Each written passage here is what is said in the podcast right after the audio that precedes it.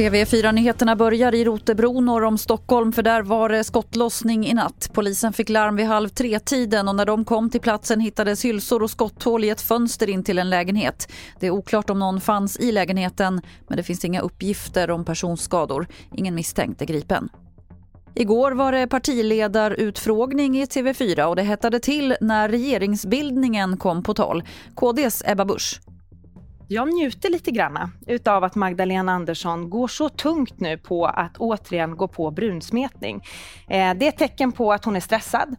Jag blir ju helt häpen här ska jag säga. Eh, Eva Busch klarar inte av, ens av att kritisera ett eh, högerpopulistiskt främlingsfientligt parti. Och sist här Centerns Annie Lööf. Till sist kan vi berätta att Livsmedelsverket går ut och varnar för att flera kycklingflockar smittats med bakterien Campylobacter.